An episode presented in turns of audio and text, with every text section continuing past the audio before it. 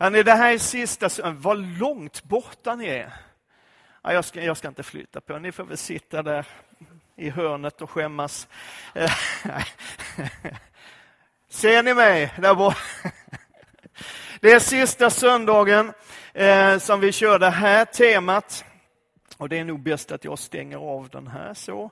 Och du har satt din telefon i tyst läge, kommer att bli underbart. Tack. Eh, nästa söndag så börjar vi ett nytt tema, eh, Kolosserbrevet med eh, liksom en, en samlande titel, Kristus är nog. Och om du nu under det här temat har längtat efter så här riktigt bibelutläggande och, och grävande förkunnelse som vi inte riktigt har, har, gjort under de här senaste veckorna. Ja, Peter gjorde det, men jag har inte gjort det. Eh, så kan jag lova att, att det kommer att bli rätt in i Guds ord, utlägga texterna. Och vill du förbereda dig inför nästa söndag så läs gärna det första kapitlet i Kolosserbrevet. Det är Nya Testamentet, helhet. Ja, nej, jag skojar. Men vi har talat om, om tvivel och vi, vi har ju konstaterat att tvivel finns och att de flesta av oss i, i något läge i livet drabbas av dem. Det, det liksom kryper på ibland på olika sätt. Eh, och Vi har talat om att, att tvivel inte är motsatsen till tro utan att de faktiskt ofta kan uppträda samtidigt och i samma person. Vi tror och tvivlar på en och samma gång. Och Vi sa att, att otro, det är någonting som söker efter en anledning att inte tro. Medan tvivlet söker med allt vad det har på något sätt efter en anledning att tro. Det är liksom olika riktning på otro och tvivel. Tvivlet vill tro. Otron vill inte tro. Och det är en skillnad på det. Och vi har sagt att tvivel diskvalificerar oss inte. Gud har inga problem med att vi tvivlar ibland. Ehm, och Vi har också sagt att det är skillnad att tvivla på något och att tvivla på någon. Och för ett par veckor sedan när jag predikade för, förra gången så talade jag om, om, några av de saker som kan eh, leda, och ofta leder till tvivel hos oss. Ibland så kan det handla om att, att vår tro krockar med vetenskapen. Liksom det vi, vi tar till oss i Guds hus, som vi kanske har lärt oss från barnsben i söndagsskola och sedan vidare genom livet krockar med det som är den allmänna uppfattningen ibland i vetenskapen. Vi citerade den judiske rabbinen Jonathan Sachs som säger att vetenskapen plockar isär saker för att se om de fungerar. Men religionen, tron, den sätter samman dem för att förstå vad de betyder. Och så sa vi att, att vetenskap och tro de rör sig i olika sfärer. Det handlar inte riktigt om samma sak. Vetenskapen försöker fatta hur saker fungerar. Tron, som sträcker sig mot grunden, försöker förstå vad allting betyder. Och det är liksom lite olika discipliner i det. Vi talar också lite grann om Bibelns trovärdighet eh, och gav några skäl till varför det faktiskt går att tro att Bibeln är Guds ord. För det tror vi, det tror jag, det hoppas jag du tror också. Och sen i söndags så predikade Peter Ulveström ifrån eh, Johannes 11 han talar om de här tillfällena i livet. Vet, texten handlar om när, när Lazarus är död. Han talar om de här tillfällena i livet när allt, när precis allt verkar fullständigt kört. Och han sa bland annat, jag tyckte det var så bra, jag skrev ner det i mina anteckningar i telefonen. Han sa så här, att kom ihåg det här, Jesus älskar dig, men det kommer svåra tider ändå. Och det, det finns en, en, ett djup i den sanningen som jag tror att vi ibland behöver reflektera över. Att det kommer svåra tider, att vi ibland möter motgångar och svårigheter och elände och lidande betyder inte att Jesus har slutat att älska oss. Och Det är jättebra att, att ha med sig det. Och någonstans lite grann där så skulle jag vilja fortsätta idag. Jag hade en punkt kvar av sånt här som ibland, eller ganska ofta, kan orsaka tvivel. Jag ska komma till den. Men innan vi går dit så skulle jag vilja läsa ett stycke ur en psalm som jag ofta, ofta återvänder till. Det är nog den psalm som jag oftast återvänder till. Ehm, den påverkar mitt liv i extremt hög grad. Och Det finns några verser i den 139 psalmen som på något sätt uttrycker både förtröstan och vår mänskliga skepsis någonstans. Det står så här. Herre, du rannsakar mig och känner mig. Om jag sitter eller står så vet du det. Du förstår mina tankar fjärran ifrån. Och jag tycker det är så skönt. Smaka på det lite grann. Du Gud, allsmäktig, som vet allt och kan allt och har, har liksom koll på allting. Du fattar hur jag tänker. Ibland fattar jag inte själv hur jag tänker. Har du fattat det någon gång. Men alltså allt det som finns i min tankevärld, ibland av stark tro och övertygelse och, och, liksom hopp och nu ska vi framåt och ibland av en massa frågor och surr och, och egendomligheter och ibland, höll jag på att säga, tankebyggnader. Gud fattar. Jag tycker det är så skönt. Om jag går eller ligger ser du det, med alla mina vägar är du förtrogen. Innan ordet är på min tunga vet du, Herre, allt om det. Du omsluter mig på alla sidor och håller mig i din hand. Den kunskapen är för underbar för mig. Den är så hög att jag inte kan fatta den. Och så är det väl alltså, att Gud, den väldige evige guden, överhuvudtaget vet vem jag är. Vet hur jag har det, vet vad jag tänker, förstår vad jag tänker och förstår att jag tänker som jag gör. Och ändå vill omsluta mig på alla sidor och hålla mig i sin hand. Det är svårt att fatta. Men ändå är det vad Bibeln säger. Och det finns en sån tröst i det. Även om den kunskapen, insikten i det är så underbar och så ofattbart hög och stor att jag inte fattar det, så vill jag tro det. Och i mitt hjärta så kan jag ändå på något sätt greppa att det är sant. Att den evige, den väldige, den gamle av dagar, han som var, som är, som kommer. Han vet vem jag är. Han fattar varför jag tänker som jag gör. Och han älskar mig. Wow. Jag vill tro det och jag tror det. Och jag har sagt förut att tvivel är inte en ovilja att tro, utan tvivel är, en, det här är min egen definition, jag tycker den är rätt bra. Tvivel är hjärnans invändningar mot hjärtats tro. Huvudet hänger inte med. Det är som någon har sagt, Gud är större än ditt förstånd. Det fattar du väl? Huvudet hänger inte med, men hjärtat gör det. Åtminstone för det mesta. Och vi, jag hade ju ett område till som jag skulle vilja dela lite grann omkring idag. Som vi kallade kartan versus verkligheten. Det vill säga, när det vi upplever i livet inte stämmer med det vi tror. När kartan inte stämmer med vår verklighet. För visst är det så ibland? Va? Vi har upptäckt saker i Bibeln, i Guds ord, vi har hört undervisning, vi har läst böcker, vi har tagit del av andras vittnesbörd om en Gud som välsignar, en Gud som upprättar och befriar, en Gud som helar, en Gud som svarar på bön. Och vi tror på det. Av hela vårt hjärta tror vi på det. Åtminstone fram till den dag när det mesta, eller kanske allt i vår tillvaro talar emot den tro vi bär i våra hjärtan. När våra liv känns allt annat än välsignade. En del av oss har varit där. Och när vi fortsätter att kämpa med samma svagheter, med samma synder och det inte verkar som om det finns någon befrielse. Eller när helandet uteblir. Eller när himlen verkar sådär stängd och tyst. Oavsett hur mycket vi ber. De flesta av oss har, i olika grad i alla fall, varit där. Och en del av oss är där. Om jag ska döma efter de e-mail och samtal som jag har haft under de här veckorna sedan vi har samtalat om det här ämnet. Ibland så säger vi lite skämtsamt, en del militärer och en del scouter också brukar påstå så att om verkligheten inte stämmer med kartan så är det kartan som gäller.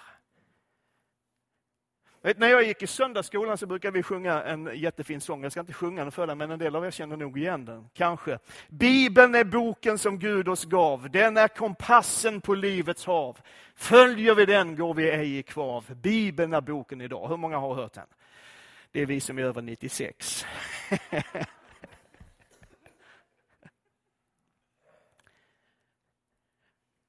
Och ibland så hör vi ju det. Jag har nog till och med sagt det någon gång, jag får erkänna det. Liksom, ja, men det är bara att fortsätta att stå på ordet. Det är bara att hålla fast vid löftena så ska du se att det ordnar sig. Men det blir väldigt jobbigt att leva så. Det är väldigt jobbigt att leva med en karta som inte alls verkar stämma med den verklighet som jag står mitt i. När vår erfarenhet är någonting annat än det vi så gärna vill tro. Och då blir frågan, stämmer kartan? Eller är det vår upplevelse, våra erfarenheter som är sanningen? Och vet du, jag tror att kartan stämmer. Och med det sagt så skulle jag vilja påstå att jag tror att dina och mina erfarenheter och upplevelser också stämmer för det allra mesta. Ibland lurar vi oss själva, men för det mesta så är det ju liksom den verklighet vi lever i är den verklighet som finns. Och Frågan är egentligen, tror jag, och det här tror jag är viktigt, det är, förstår vi kartan? Hänger du med nu? Förstår vi kartan? Förstår vi vad kartan vill säga oss? Och förstår vi hur vi ska tolka kartan? För ibland så verkar det som om vi lever, vi troende, frikyrkofolk, att vi lever i en sorts övertygelse om att det perfekta är det normala. Så att vi tror att Bibeln lär oss att det perfekta är normen för hur vårt liv ska se ut. Och som jag fattar det så är det ganska långt ifrån sanningen. För Bibeln och kartan, för Bibeln är kartan och kompassen på livets väg. Alltså Bibeln, kartan som vi har, den, den uttrycker Guds vilja. Den uttrycker Guds hjärta. Den uttrycker hans person, vem han är. Och Jesus uppenbarar Guds vilja. Jesus uppenbarar Guds hjärta. Han visar vem Fadern är. Han visar vad Fadern vill. Han visar hans nåd och hans kärlek och hans barmhärtighet. Jesus visar gång på gång, dag efter dag, hur Guds rike ser ut. Han visar vad Guds rike innehåller. Han visar vad Guds rike innebär. Det är den bilden som kartan ger oss.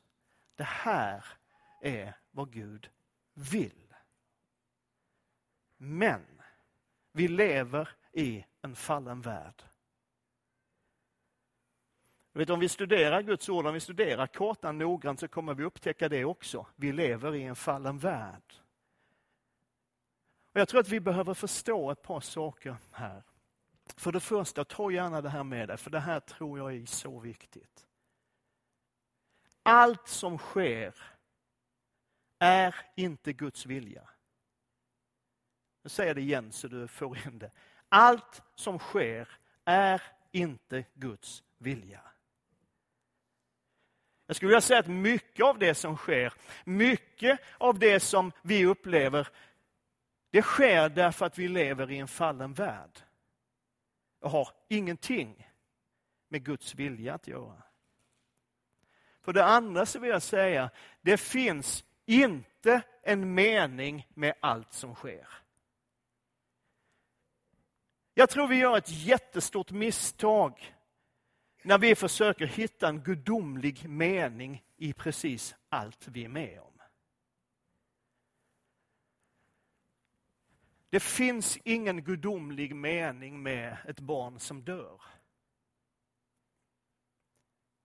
Det finns ingen gudomlig mening med att människor svälter, att regnskogar skövlas, att sjukdomar plågar, att krig härjar. Det är inte uttryck för Guds vilja. Det finns ingen mening i det. Jag har suttit ibland med människor som har varit med om fruktansvärda saker, skakande upplevelser, förluster av, av nära och kära och allt vad det är. Och liksom i någon sorts desperation försöker famla, det måste finnas något Gud menar med det här. Och jag säger nej. Men det kan finnas något Gud menar i det där. För Gud kan använda vilken situation som helst. Han kan vända på vilken situation som helst. Vända det mörkaste, djupaste mörker till strålande ljus. Och Gud kan använda vad som helst. Det finns saker i mitt liv som jag egentligen helst inte skulle ha velat vara med om. Men som jag kan se att Gud kan använda. Det betyder inte att det var Gud som menade det, att det var hans avsikt. För oftast var det jag som gjorde bort mig. Men det finns ingen mening, och låt mig säga det igen, det finns ingen mening med ondskan och eländet i världen. Det är meningslöst. Låt mig visa dig någonting viktigt här. Vet, när lärjungarna har sett vad bönen gör med Jesus, hur han hämtar styrka och kraft i stillheten inför Gud, så vill de att han ska lära dem att be. Och du känner ju igen den lektionen, de flesta av oss gör det. Och så säger Jesus så här, så här ska ni be. Vår far i himlen, låt ditt namn bli helgat. Låt ditt rike komma. Låt din vilja ske på jorden som i himlen. Och så vidare. Och den visar oss ett par saker. Låt ditt rike komma.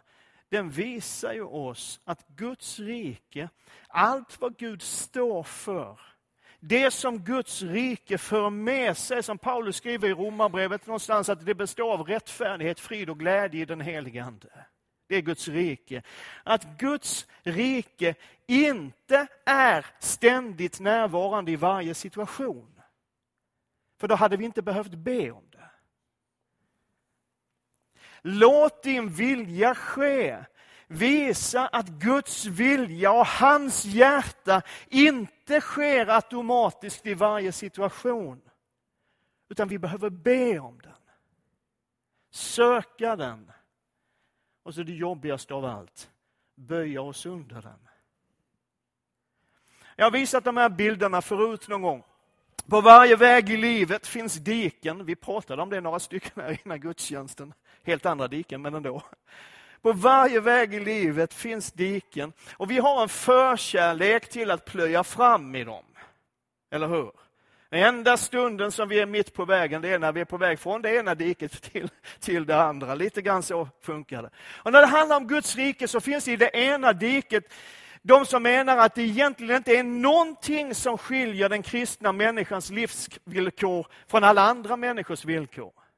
Vi kan hämta lite vägledning, kanske lite tröst och styrka i bönen och vi kan förtala om för Gud hur det är och hur vi har det och hur bedrövligt allting är. Men i grunden så är vi ganska utlämnade åt oss själva. Under och mirakler sker egentligen inte. Allt sånt, Guds förvandlande kraft genom den helige Ande, det hör till evigheten, det kommer sen, det blir åtminstone bättre sen.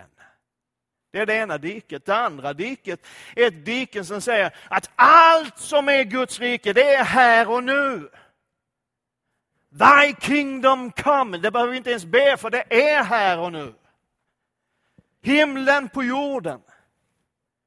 Full hälsa, materiellt välstånd, ekonomisk framgång, ständiga positiva bönesvar. Allt är vårt här och nu. Och genom oss som tror så ska himlen invadera den här jorden och det övernaturliga ska vara naturligt. Ett helt normalt inslag i varje troendes vardag. Och Jag kan mena att båda de här sätten att se på tillvaron och på vad, vad, vad det handlar om att vara, vara en kristen, en troende, är rejäla dikeskörningar. Därför båda skapar frustration och ibland desperation. Och Det vet jag, för jag har varit i båda dikena i mitt liv. Det första diket, det är ingenting som egentligen gäller här och nu. Löftena handlar om evigheten. Det blir frustrerande och svårt att leva i därför att det lämnar så lite hopp om Guds påtagliga hjälp och ingripande. Det blir dessutom ganska förvirrande när människor berättar eller man själv plötsligt är med om under som verkligen ser ut att ha skett. Men det andra diket, allt är här och nu, allt tillhör oss. Det är bara att plocka ut allt vad Gud har. Det blir rätt frustrerande när en utlovad självklarhet plötsligt inte fungerar alls. Och Då är det lätt att börja söka fel och brister och bristande tro, obekänd synd, både hos sig själv och andra. Ja, men det händer inte därför att. Men grejen är att det finns en väg som bär framåt. Det finns en väg som är biblisk, som ger hjälp och tröst och faktiskt skapar en stor ödmjukhet inför Andens verk och Guds plan och vad Gud vill med ditt och mitt liv. En väg som man kan sammanfatta i orden redan nu men ännu inte. På vilket sätt är det en tröst? Jo, det är en tröst därför att jag kan veta att hur mitt liv än ser ut just nu så är faktiskt någonting bättre, någonting makalöst mycket bättre på väg. Och då och då så glimtar det till i den här tillvaron av Guds rike. Då och då så bryter Guds rike igenom i vårt mörker. Ger en glimt av det som han har tänkt, ger en glimt av Guds hjärta. Tänk när Guds rike bryter in i, i vår vardag. När hans vilja, hans vilja som alltid är god, tar över vår tillvaro. Det finns ingen automatik i det. Jag tror inte det. Det finns ett nu och det finns ett sedan. Det finns den här världen och det finns den tillkommande. Men då och då så bryter hans rike in i vår vardag och förändrar och förvandlar. Och en sak har han lovat. Att vara med oss. Att omsluta oss. Att aldrig någonsin överge oss. Det har han lovat. Får jag bara nudda vid ett område som rör vid det här, som jag har funderat en hel del på. Vi har ibland, menar jag, en väldigt ytlig och världslig förståelse av vad det innebär att leva ett välsignat liv. Om man söker på hashtag blessed på sociala medier, en hashtag, jag ska förklara för dig som tillhör min generation, eh, som inte har riktigt koll. En hashtag är ett sätt att, att, markera ett ord, så att om man söker på sociala medier så hittar man allt som handlar om det. En hashtag är en sån där staket, hette det förr i tiden på de gamla telefonerna.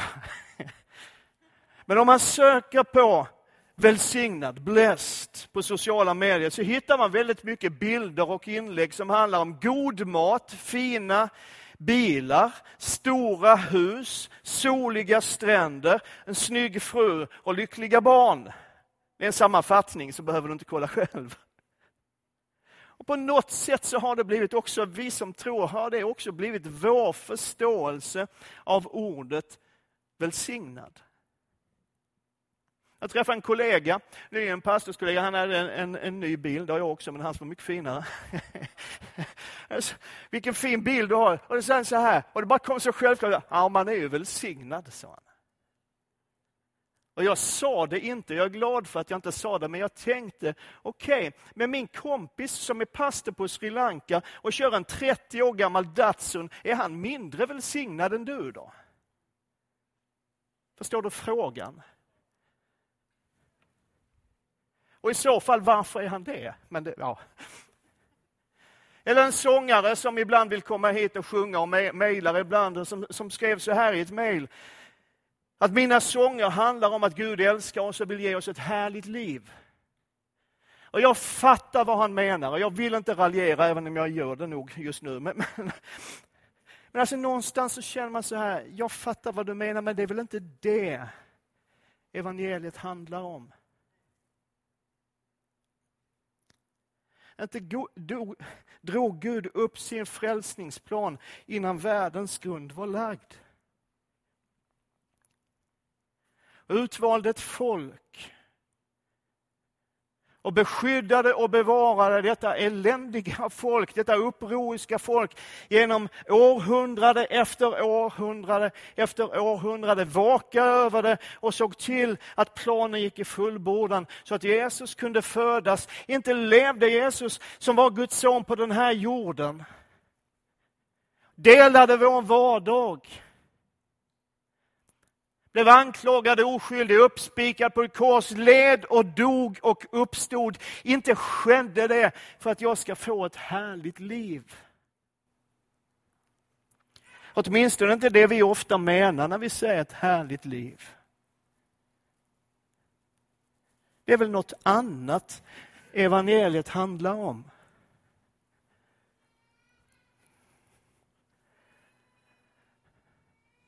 Jag vet inte vad du känner, men jag känner att mitt liv kan inte, får inte handla om en fin bil och ett härligt liv. För ett välsignat liv, som jag ser det. Ett välsignat liv. Det är när någon annan får glädje av att jag känner Jesus.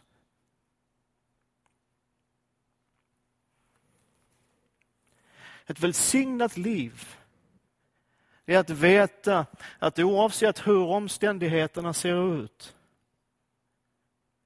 så är jag omsluten. Så är Jesus med mig. Det är ett välsignat liv. Har du någon annan syn på det, gå hem och läs slutet av Hebreerbrevet 11.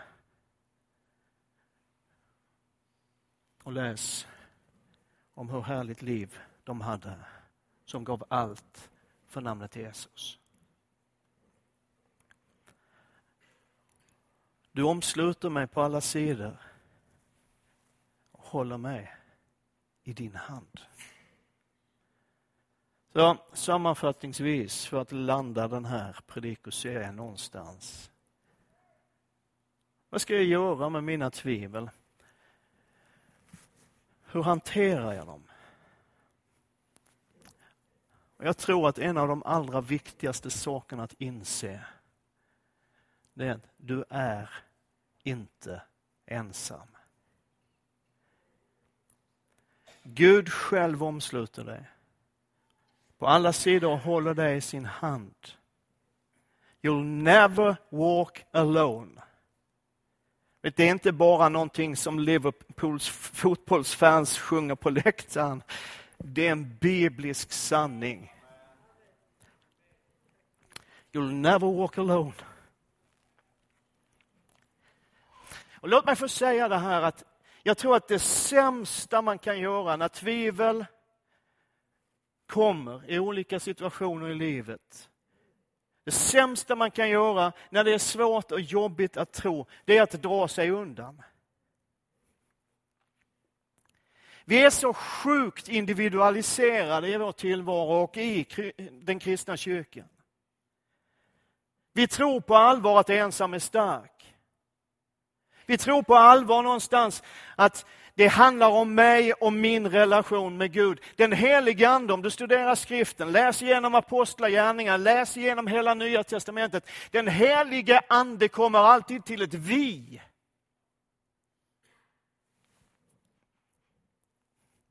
Alltid till ett vi. Och vår individualistiska syn på tillvaron och tron och livet med Gud, den ställer till så mycket för oss. Låt mig säga till dig, du är inte ensam om att tvivla ibland. Vi gör det allihop. Vi tror och vi tvivlar. Du är inte ensam på din resa genom livet. Vi är här för dig.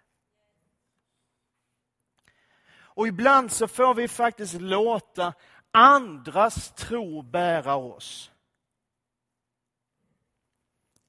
När vi inte orkar, när vi inte har kraften, när vi inte har modet. Vi vill vara en sån församling. Vi vill vara en sån församling. En församling där det är äkta, där det är på riktigt. Där vi inte låtsas att allt är bra när allt faktiskt inte är särskilt bra. Där vi vågar vara öppna, där vi vågar vara ärliga. Där vi faktiskt kan dela på både det som är fantastiskt och det som är svårt. Det är väl en sån församling vi vill vara.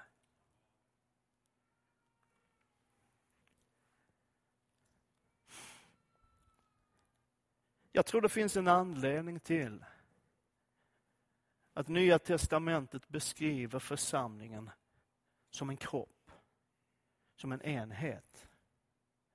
Jag tror faktiskt inte att det bara är en beskrivning, en bild. Det står inte att församlingen är en bild av hans kropp, det står församlingen är hans kropp. Och så säger Nya Testamentet att om en lem, om en del av kroppen lider, så lider hela kroppen tillsammans med den. Står det inte så? Ja. Om en del av kroppen gläds, så gläds resten av kroppen med den. Vi hör ihop. Tänk om vi kunde fatta det.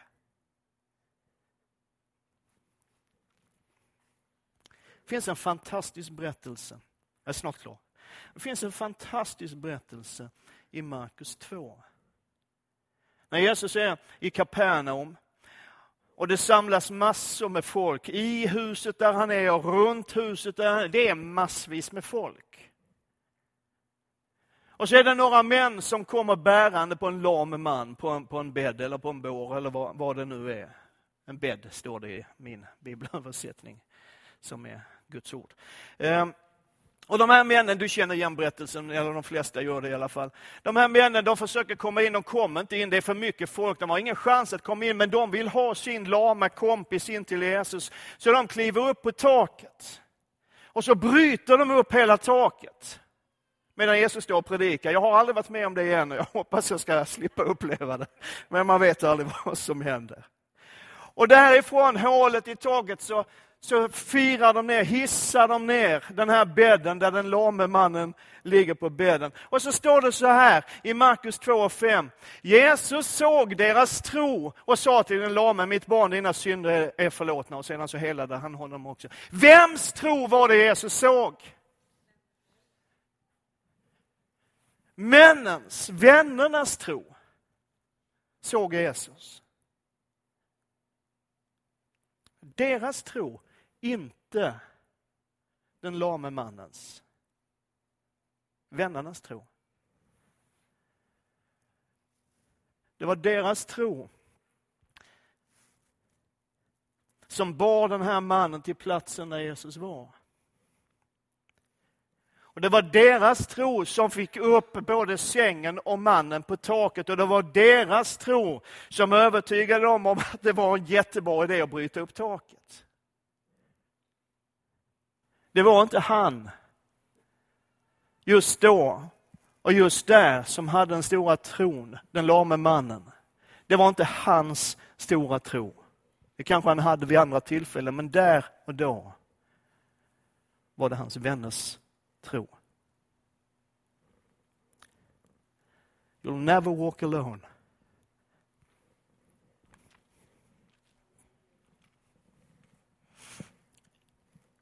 Du vandrar aldrig ensam.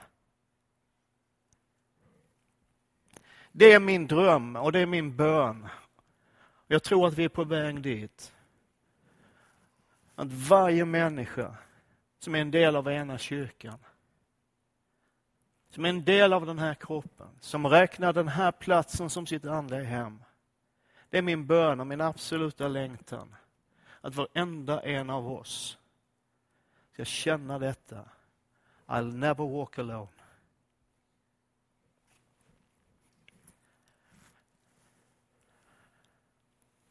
Och idag, just nu, så kanske du behöver precis det. Att låta vår tro få bära dig en sträcka på vägen. Vet, det är helt okej. Okay. För det kommer antagligen en dag när din tro får bära mig eller någon annan en sträcka på vägen.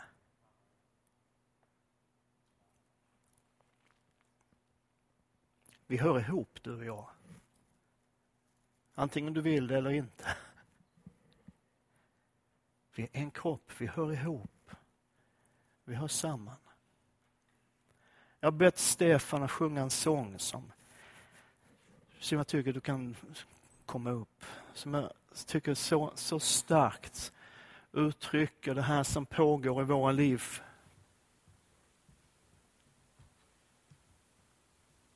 Jag har många frågor, men jag tror på dig ändå.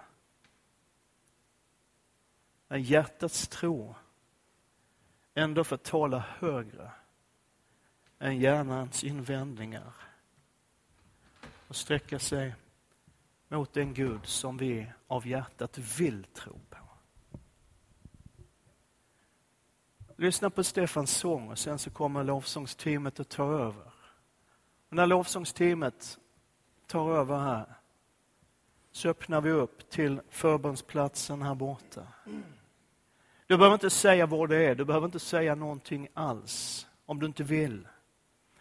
Men de som finns där kommer att be tillsammans med dig. Låt oss och den tro som vi har få bära dig en sträcka av din väg. You'll never walk alone.